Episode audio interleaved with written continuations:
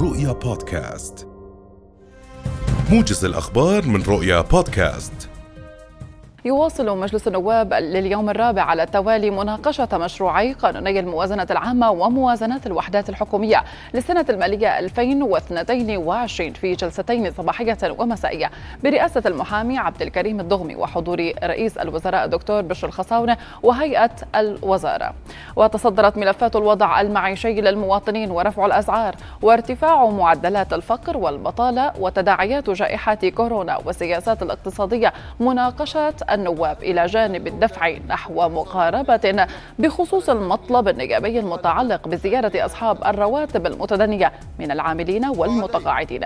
كما أكد النواب خلال مداخلاتهم أهمية التحول من الطريقة التقليدية لإعداد المواطنة إلى موازنة برامجية تتضمن حلولا اقتصادية خلاقة للقضايا التي تؤرق المواطنين وأهمها تشغيل العاطلين عن العمل وتحسين نوعية الخدمات لاستعادة ثقة المواطنين. المواطنة تبدأ الهيئة المستقلة للانتخاب اليوم دراسة طلبات الترشح لانتخابات مجالس المحافظات والإدارات المحلية ومجلس أمانة عمان للفصل فيها وذلك بحسب التعليمات التنفيذية الخاصة بالترشح لانتخابات مجالس المحافظات والمجالس البلدية ومجلس أمانة عمان لسنة 2021 وبعد أن انتهت مرحلة الترشح يعكف مجلس الهيئة المستقلة للانتخاب خلال سبعة أيام على دراسة الطلبات والفصل فيها. هذا وتبلغ الهيئة المترشحين بالقبول أو الرفض خلال هذه الفترة.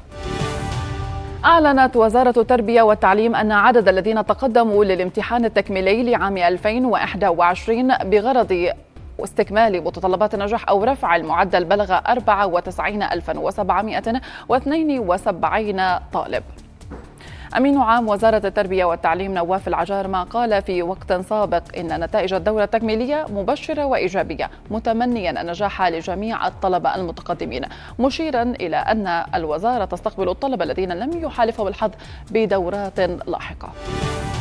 اقتحم عشرات المستوطنين المسجد الأقصى من جهة باب المغاربة منفذين باقتحامهم جولات استفزازية وطقوسا تلموذية في باحته.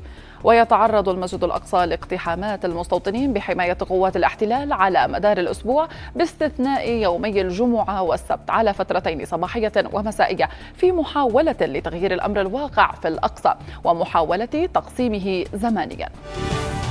يتعمق تأثير المنخفض الجوي المصنف من الدرجة الثانية المؤثر على الأردن اليوم برفقة كتلة هوائية شديدة البرودة وفق موقع طقس العرب. ويسود طقس بارد في أغلب المناطق وشديد البرودة فوق المرتفعات الجبلية العالية وأمطار متوقعة في شمال ووسط المملكة. وتكون هذه الأمطار غزيرة في بعض الأوقات ومترافقة مع حدوث الرعد وتساقط الأمطار المخلوطة بالثلوج وزخات من البرد على فترات فوق قمم المرتفعات الجبلية العالية الشمالية والوسطى. أما في جنوب وشرق المملكة يكون الطقس عاصفا مع هبوب رياح قوية مغبرة في بعض الأوقات. وفي سياق متصل دعت مديرية الأمن العام المواطنين إلى ضرورة توخي أقصى درجات الحيطة والحذر خلال المنخفض الجوي السائد. وأهابت المديرية في بيان رسمي لها ضرورة الابتعاد عن جوانب الأودية والسيول مشددة على ضرورة الاستخدام الآمن لوسائل التدفئة مؤكدة عدم التردد بالاتصال برقم الطوارئ الموحد إذا دعت الحاجة لذلك.